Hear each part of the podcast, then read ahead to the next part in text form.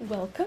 Thank you. And thank you for joining me Yeah. for uh, this uh, interview in this wonderful, wonderful sunny spot Mm, right here in. Copenhagen. I've been Mhm. very much looking forward to talking to you. You know me too. And uh, yeah, we've, we've come across each other for a couple of years now, Mhm. but this is the first time we sit down to talk about your experience with uh, birth and postpartum. Mhm. So uh, Yeah. maybe you would want to introduce yourself. Yeah.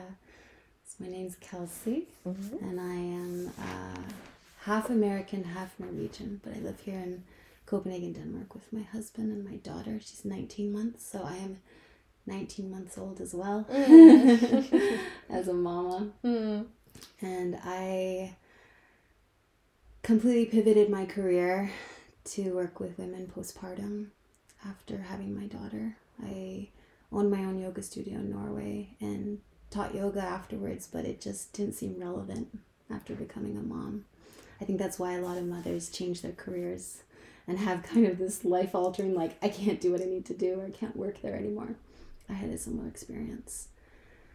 And um, yeah, we have been crossing paths kind of here and there. I, we live kind of in the same neighborhood, so we bump. We I think we have the same tastes in cafes. Yeah.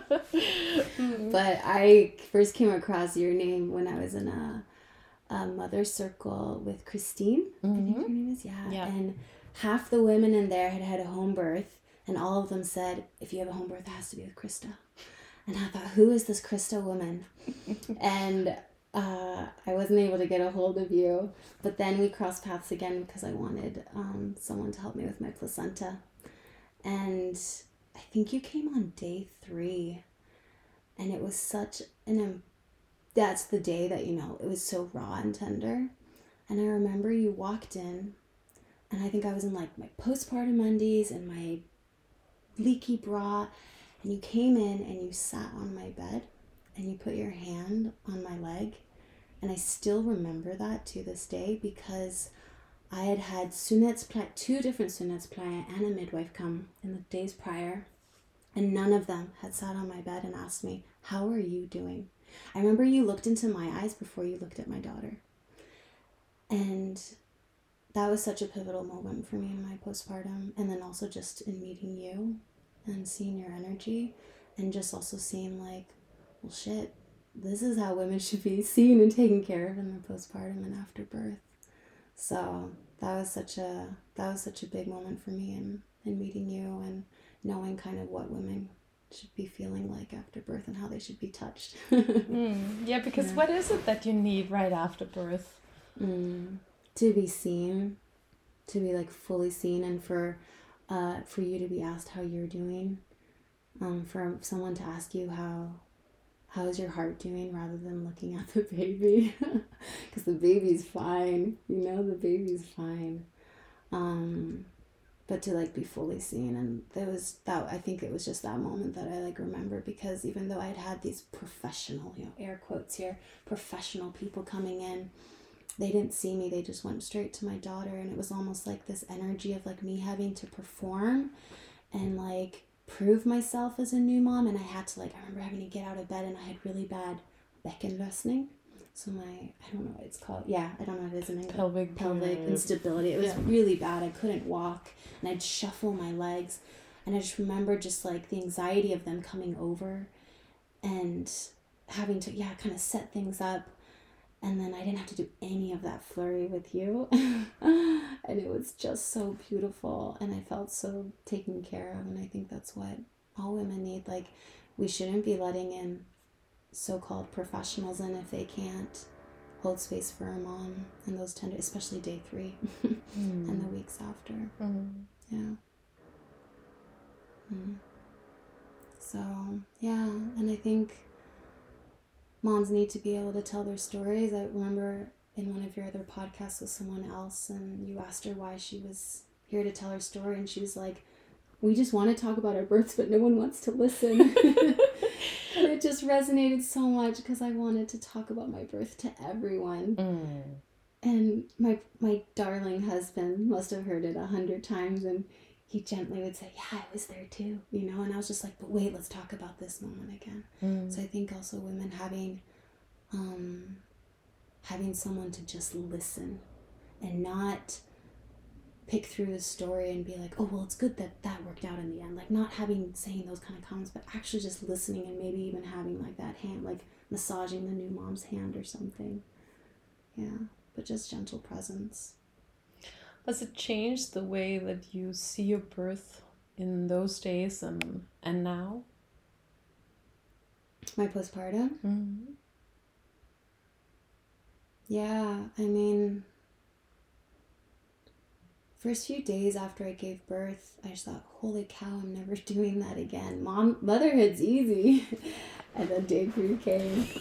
and I was like, oh my god, let me push another baby out. Like, there's, there's gotta be another baby in there. Um, yeah, postpartum was really, really, um, was really raw. It was a huge, I, yeah, like I said, I'm a, a yoga teacher, and there's always that topic of like surrender and letting go. And I thought I understood the concept, but it must have just been something that I was in, that was in my head. And it was my early postpartum days that I understood the concept of being, of dropping down to your knees and just saying, all right, I'm handing everything over. Like, you got me. Like, I've hit rock bottom. Um, and I was down on my knees for months. Um, and it almost made me forget about my I forget about my birth story because all of a sudden postpartum just took over. But there's definitely parts of my birth that I think I think parts of your birth mirror your postpartum. Can you explain what you mean by that? Yeah, so in one part of my birth, there was a clock on the wall. And I told my husband weeks before labor started, I don't want to know the time. Our phones are not allowed to be in the room. We've told our families our, fl- our phones will be on flight mode. I told the midwife I don't want to know the time. I just want to be lost in that liminal phase. And there's this damn clock on the wall. And I didn't speak up to have it taken. It could have been taken down. It wasn't a permanent fixture. And I kept looking at that clock, and I was so hyper aware that it was going past the hours that my friends had birthed. So my friends had birthed in six hours or nine hours. And here I was going on hour 25. And I was so hyper focused on this that I was doing something wrong and that I wasn't birthing quick enough or I wasn't birthing good enough or I wasn't a good enough birthing mom. And this showed up in my postpartum that time was ticking by very slowly. And I could have just, you know, metaphorically like asked my midwife in that moment to take the clock down in my postpartum. I could have asked for more help. I could have been like, you know what? This talk this clock is ticking slowly. I need to ask for more help. I need that support. Um, but also it came up in the idea of that like I'm not a good enough mom. I'm not momming good enough or whatever and that all came up and so that and i definitely saw that it was like after the six month mark where you can start solid slowly with your baby i think something changes in in, in a mom's brain where she starts to maybe reflect and see ooh okay there's parts of my birth story i need to pick apart. And i started to see the similarities in that moment in my birth story. Was very a, a common thread in my postpartum as well. Yeah. Do you recognize that pattern from from your, your life in general? Mm. Yeah definitely. I mean that definitely shows up in my work life and um, probably my relationship most likely with my relationship with my partner and my friends. Definitely. And i think that's also something with like we're supposed to the we're supposed to be triggered in birth to it's supposed to show us the pain points that we still need to work on. It's the ones that we've kind of been numbing and neglecting throughout our lives, where it's come up and we're just like, mm, I'm gonna push that down and watch this TV show or do this or do that or, you know, whatever our numbing techniques are. And birth just highlights it. It's like a magnifying glass on, like, hey, here it is. here's that one thing that you've been shoving down. Let's bring it to the surface and let's heal it now. Um, and so there was definitely that unraveling for me in the postpartum because I had opened that Pandora's box in birth um, and during my labor. And then the postpartum was just this kind of rewriting, rewriting, changing my narrative, changing my story that I had around um, what's good enough and my self esteem and my own self worth, and really like my intuition. Because if I had really listened to my intuition during birth, my intuition would have said, This is how it's supposed to go. You're doing an amazing job. But I was focused, hyper focused on this darn clock. And I think that's what really started to happen to me in my postpartum is I said, I don't need to listen to you know what this one mother's opinion is and i don't need to google this like what's my intuition say my intuition says right now that my daughter and i should just lay in bed together or my intuition says that i don't need to do this you know so i think it was definitely like uh um, yeah, if you ever want to really get in touch with your intuition, become a mom. Don't become a yoga teacher or meditate. it's quite inevitable when you become a mm. mom. Mm-hmm. Yeah. I also found that's very difficult is like I had all these tools that I'd learned from um, just everything I'd done in life, all the trainings I'd taken. So I thought, I am ready. Like I've got my, you know, this meditation, this visualization, this practice, all of these tools. And then I became a mom and none of it worked and that was so painful and it was almost like this huge shedding and kind of like goodness what have i built my life upon? But it's been really nice to kind of come out of that immediate intense postpartum bubble and see which tools are coming back into my life and resonating again. Um, but it really was like a just a clear strip of everything i knew and everything that was like a safety tool for me and figuring out all right well what is real? Yeah get any help in that period? Um, yeah, I was really lucky. I had, um, I know uh, the health nurses that come home can be controversial for some because they can have very strong opinions, but I had one that, um, that I then said, "You're mine.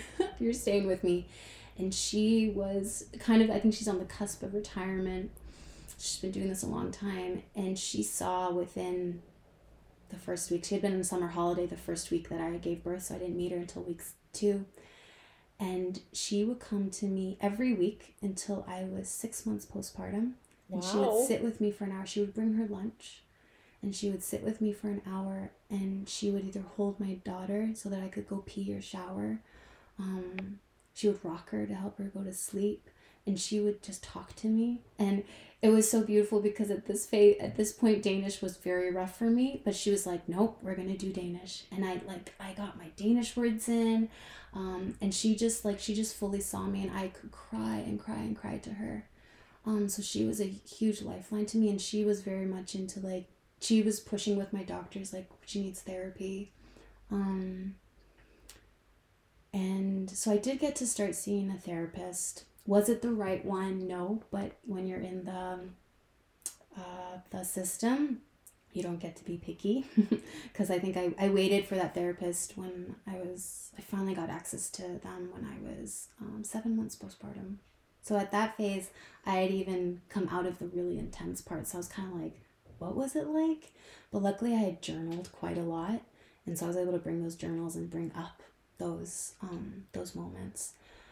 So the doctors did take me seriously, so I felt very grateful for that because I think, and I was not afraid to tell my doctor that I was having suicidal thoughts, which was really hard for me at the moment to admit.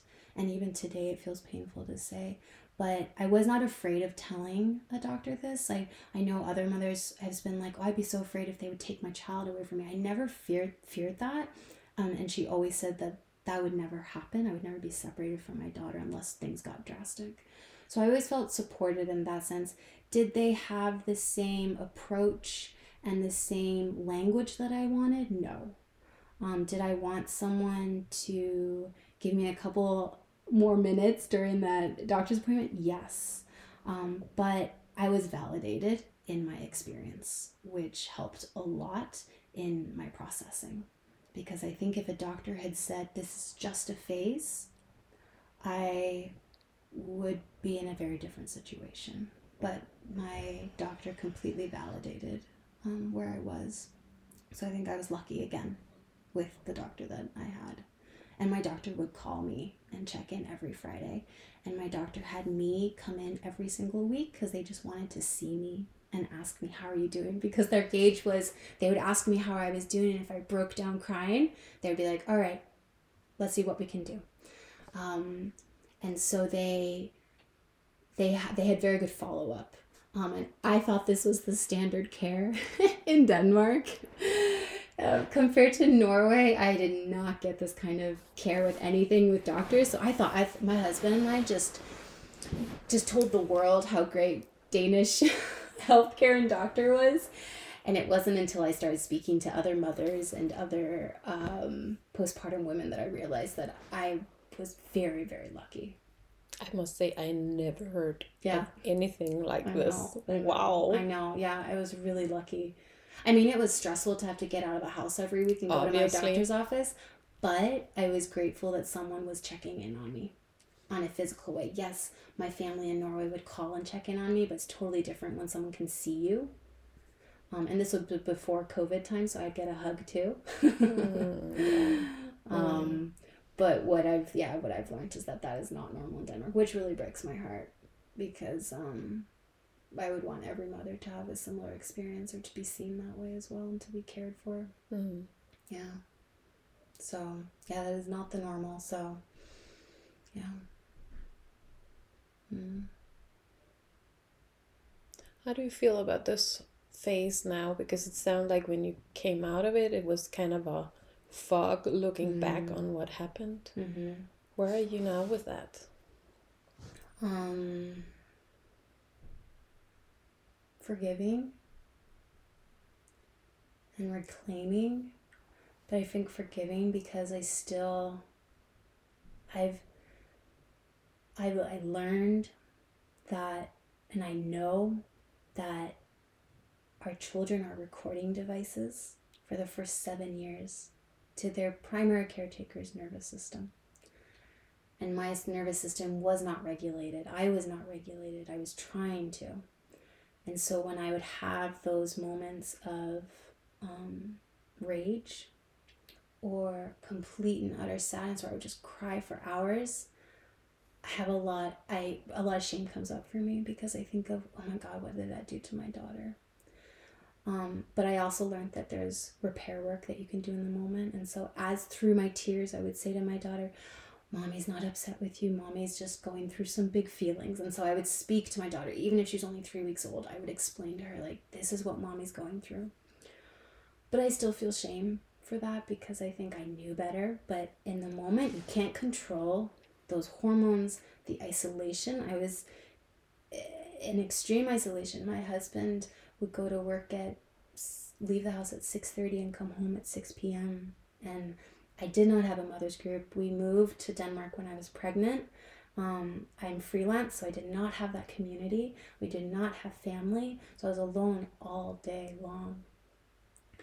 So the phase I'm in right now, when I look back, is of just forgiving myself, forgiving myself for being just totally and utterly human in those moments, and for doing the best I could, and for um, yeah, that thank God my daughter has lived many lives and she she knows that this is she came to this planet Earth here to to help me, you know, reclaim this part of myself and reclaim and write a new story. I think write a new story we spoke before we started recording just about like reclaiming my mother lineage, my maternal lineage and for the moms, the mothers in my past who weren't able to do this work.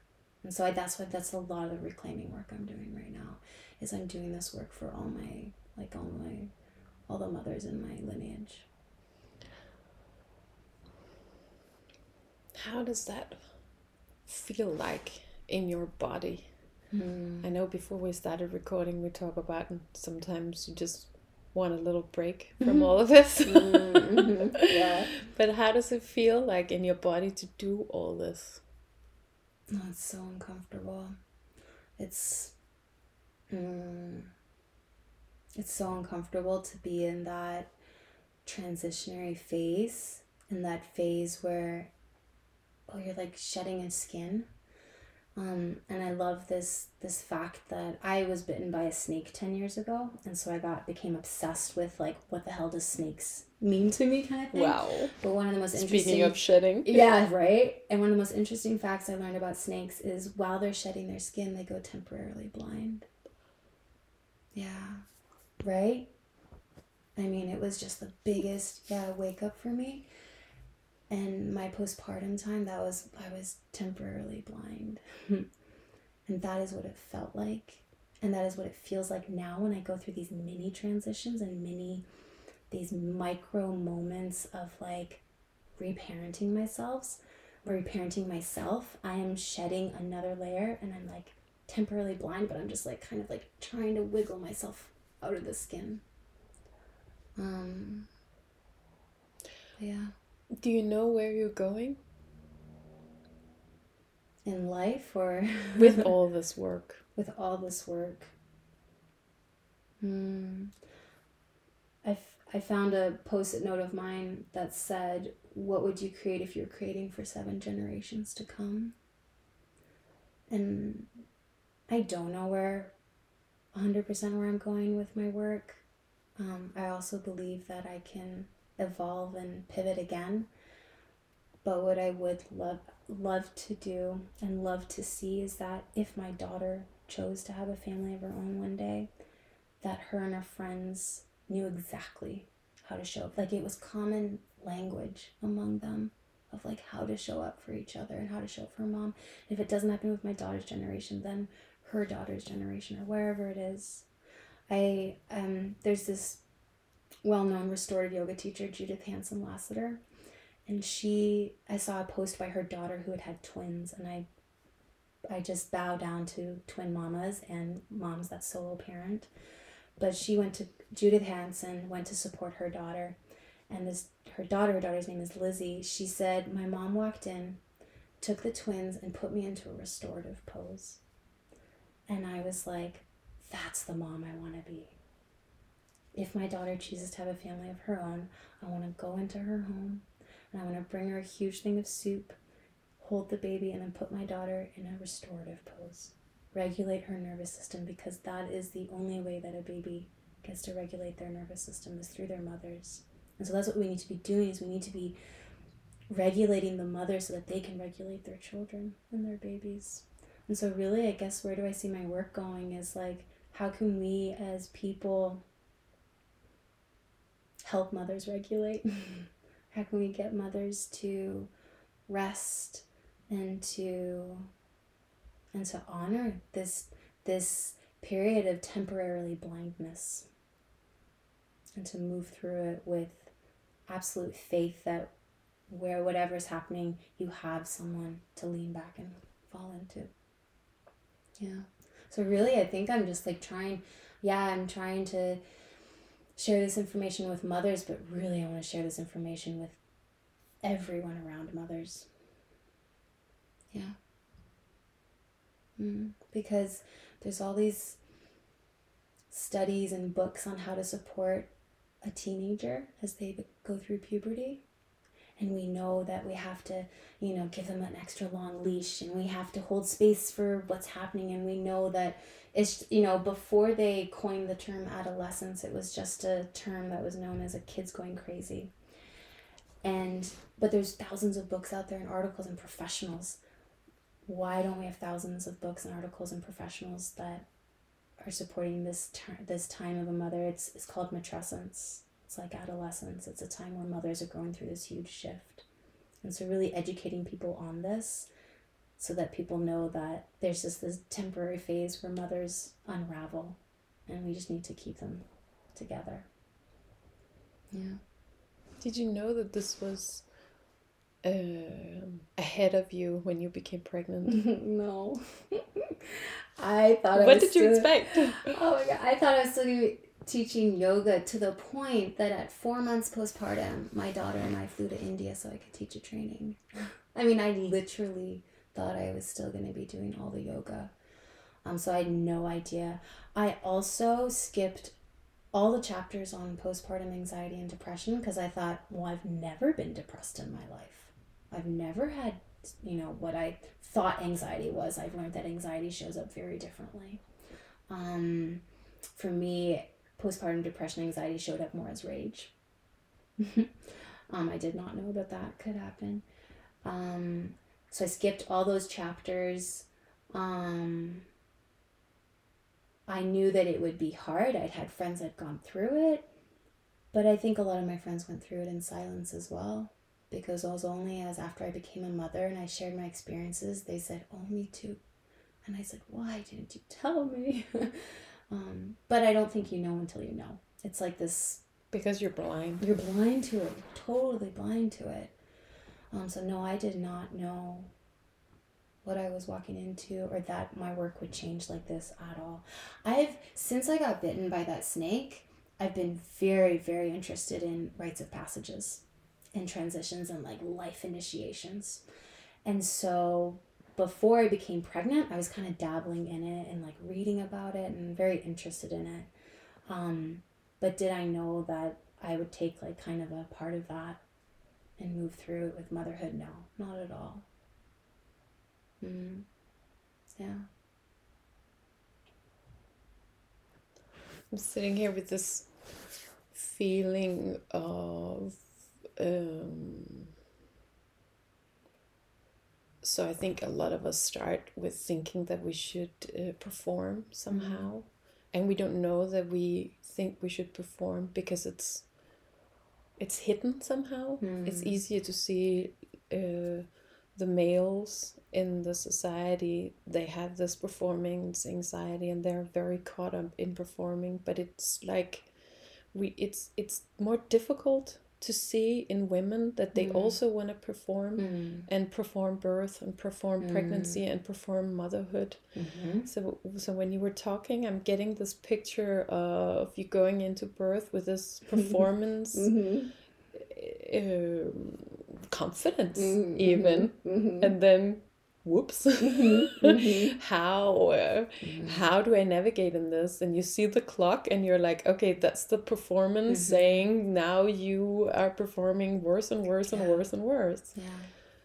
so i'm i'm sitting with this feeling of you going from this performance mode into how do i how do i honor my my i would not call it autonomy but self love somehow Mm. does it make sense that there Mm. has been this Mm-hmm. change Mm-hmm. in the way that you maybe see yourself Yeah, definitely. Um, performing and productivity. that was my brand. That was my mantra or whatever it is. I um I think they they talk about that through the heroine's journey of just how you as a young girl will lean move away from your mother and go towards your father and be like well how do i impress my father? Oh it's in the masculine world. It's in the masculine way. And so you know i went to university and did business because that's what my dad did and my dad made a living for us so i better do business i didn't know that you could do anthropology i took an anthropology class i had to have a science credit to graduate from university and i took an anthropology class the last semester of my entire university degree and I loved it. And I thought that was the best class I took in four years and I was so depressed. And and I remember saying to my anthropologist teacher, I was like, I'm so glad I took this class at the end because otherwise I would have switched majors. And he looked at me and he said, That's the saddest thing I've ever heard, you know? And I and I walked away from that and I thought, yeah, that is the saddest thing because I could have graduated with something that I loved and done something I loved for four years. It was like pulling teeth taking those business classes but I thought that was what I was supposed to do, and that's how I would um, please my father, who was funding my education. And so after that, I went and got a corporate job. Um, and, you know, to perform at the same level as everyone else. And then luckily got bitten by that snake and it changed my life completely. And not completely, I think motherhood did the rest. but it changed my life to the point where I quit that corporate job and became a yoga teacher and opened up a yoga studio. So I had a little bit of that like, ooh, I'm listening to my intuition, but I'm also going to be productive because I can't just I can't just be a yoga teacher. I have to be a yoga teacher that owns a business, you know? So I went through that kind of whole kind of taking off that mask. Um, so I was kind of dabbling in both worlds. And then a huge personal death for me was selling my studio. It was my identity, my total identity. I could always say, it's only this year. My husband laughs because I sold that studio three years ago. And last year, um, my daughter's only seven months old, and we were talking to some friends, and they said, What do you do? And I was like, Well, I used to be a yoga studio owner. And my husband said, Kelsey, you can't use that anymore. like, it's been three years. Tell people what you do. And so, yeah, it was that in that postpartum period that I, and that birth, that I was able to completely just strip away those masks of mine and those performing titles and everything to just be like this is what I do. I help mothers and then I rest myself. And I rest so that I can go and be 1000% present for my daughter in those waking hours that she is then with me. Um, so there's definitely, like, like you said in my birth story of how I kept checking that clock, that was so painful. And it's, it's the one if I have a moment in my birth that I want to rewrite and change, that's the moment, which I think is so funny because I still think about that. And that's what I found in a lot of the birth story listening that I do do is that it's not, you know, a woman will tell like a super traumatic story about like a doctor pushing her legs apart and then using, you know, the suction cup and then cutting her completely. But the moment that she is hurt by is the moment that her husband had to sneeze and had to let go of her hand so that he could sneeze. And that's the moment she remembers from her birth. It's not the crazy traumatic part. It's the moment that her one st- stable person just let go of her hand. And so sometimes I laugh that a lot of things happened in my birth, but it was the clock mm-hmm. that really still kind of like oof. And so it is that reminder to me of I don't need to depend on the clock. The clock is patriarchy. and really just like yeah what is uh what does a, a matriarchy cyclical life feel like and look like? Look like. Yeah and i also ask myself a lot um, who is profiting from this? My postpartum anxiety my depression like who's profiting from this? A lot of people. And really and then being like all right well i don't need to give them that power. I'm taking that my power back so I ask myself a lot of that. Mm-hmm. Yeah. When you work with other women, how do you address these things? What's your what's your gift? Mm. In birth story listening or with postpartum work? Both. What do you want to talk about?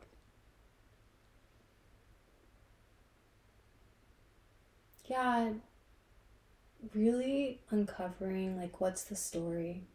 What's the narrative? What's on repeat? What's your limiting belief?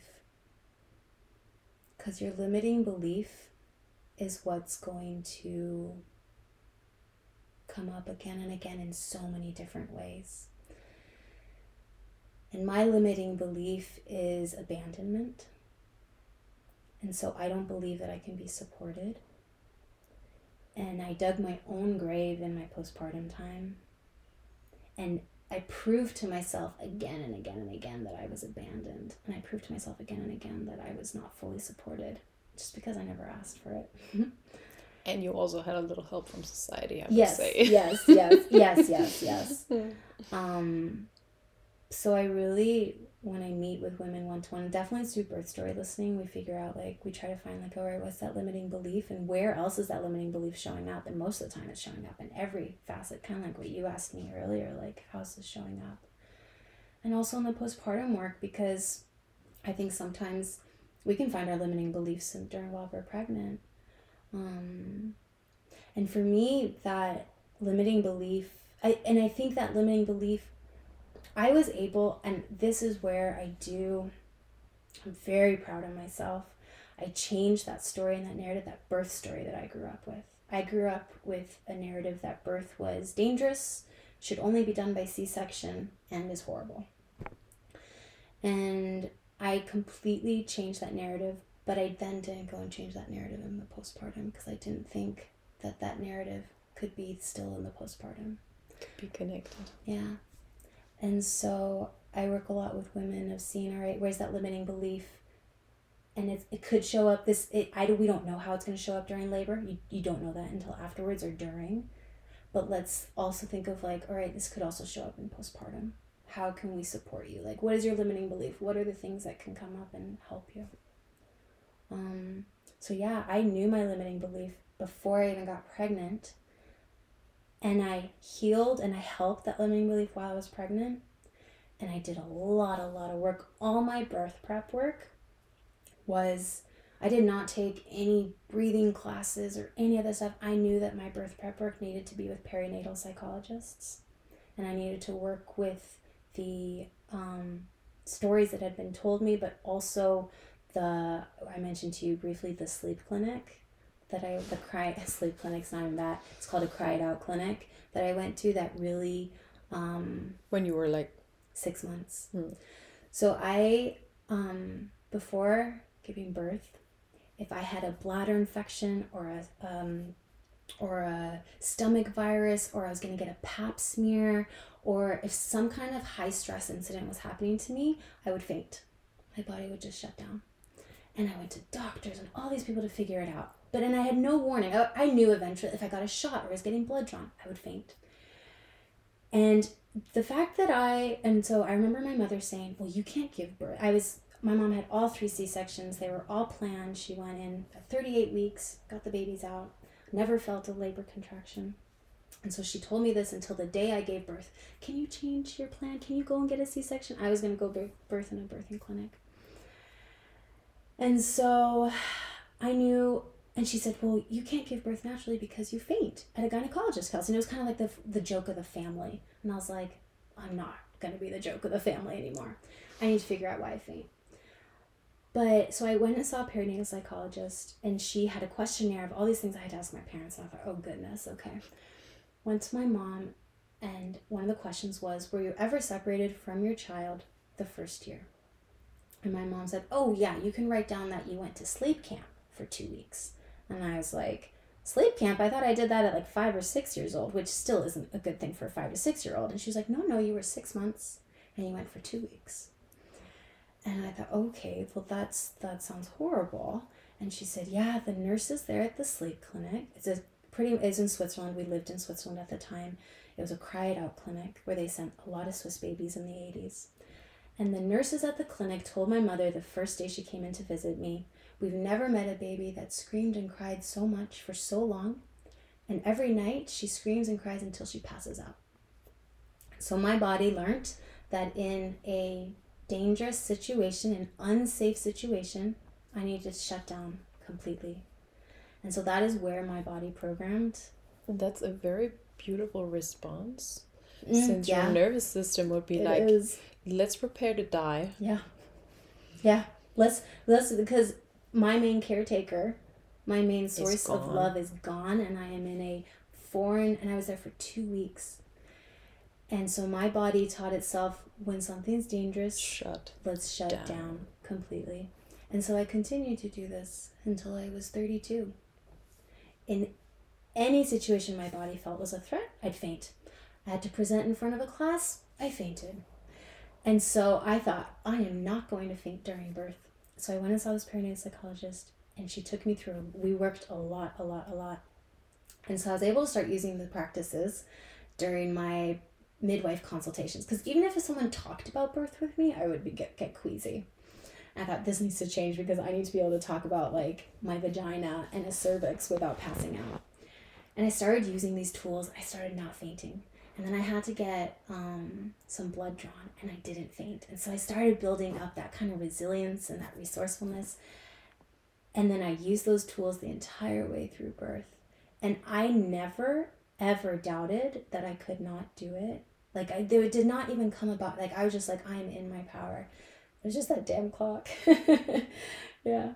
Yeah. That came up for me. But otherwise, I like brought, I, and for me, it wasn't even just like, I knew that if there were complications, I trusted that my midwife would then, you know, say, all right, maybe we need to move or whatever. But I also trusted in my body completely, and I knew that if something was didn't feel right, I would say it. But I wanted to change births, a birth narrative and the birth story in my maternal body that I had inherited from the my other maternal lineage, for my daughter's sake. I wanted birth to be something mystical and magical and hard but beautiful. I wanted that to be the language that she grew up with. And so I I didn't do it so that I would have a, you know, air quote perfect birth or whatever, but I did it so that I my daughter would have a different embodied because the way that I could birth her, she now has a different feeling in her body, her cells resonate differently with it.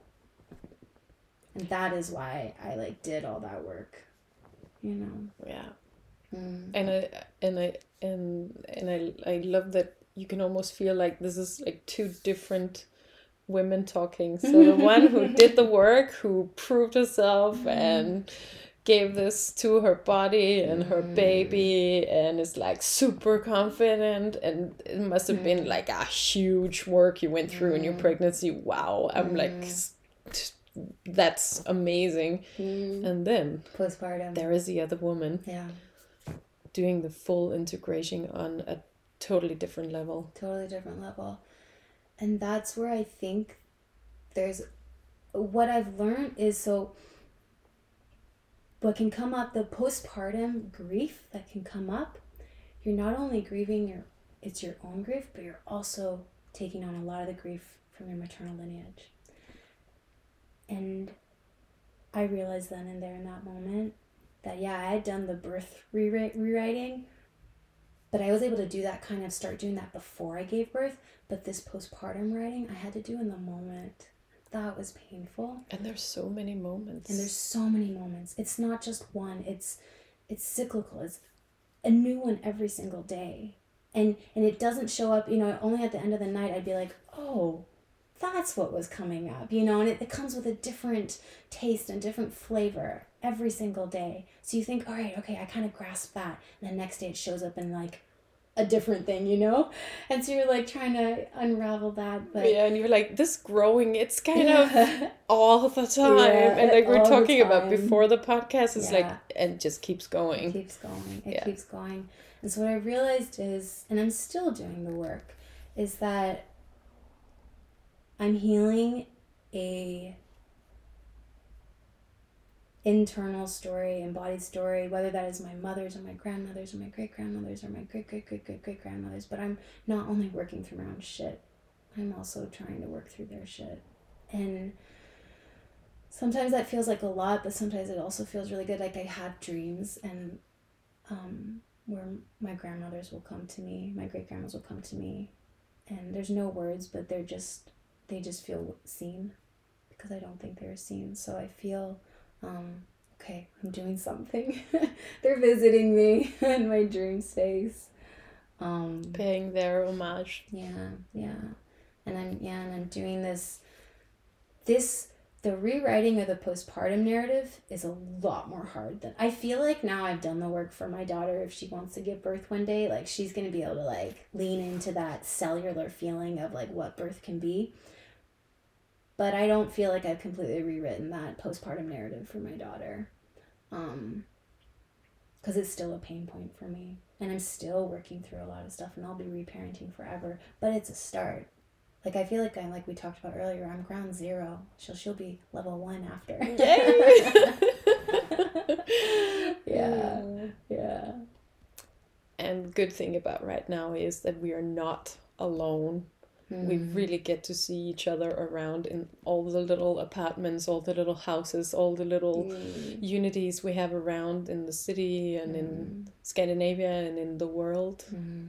i really i really see a difference right now Mm. we can Mm. actually see each other Mm. even if it's after the the blindness has gone then we're like okay um i'm seeing that you were blind too and alone yeah let's let's make it better for our daughters Yeah. Yeah.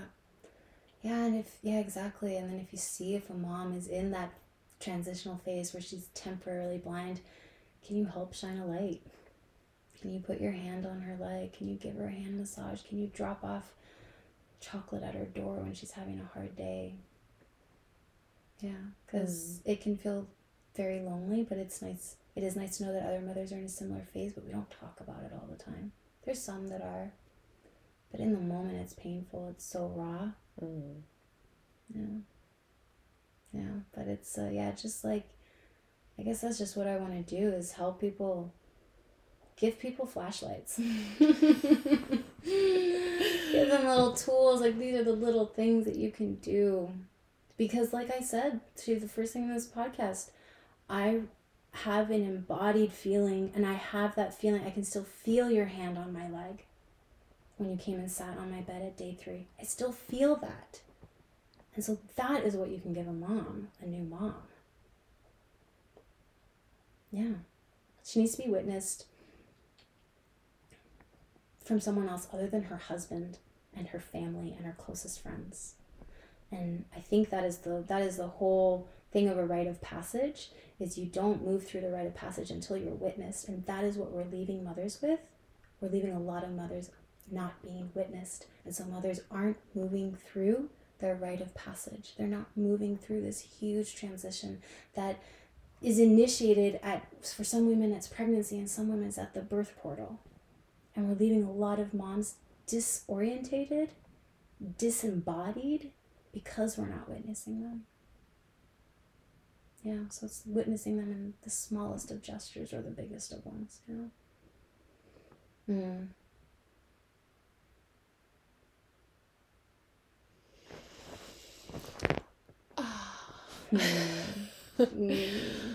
wow thank you so much Thank you. it really requires something to tell your story Mm-hmm. Go through all the shame and hurt and all that also comes with transition. Mm-hmm. So I'm very, very, very happy that you wanted to share this. Mm. I, I for sure feel very recognized. Mm.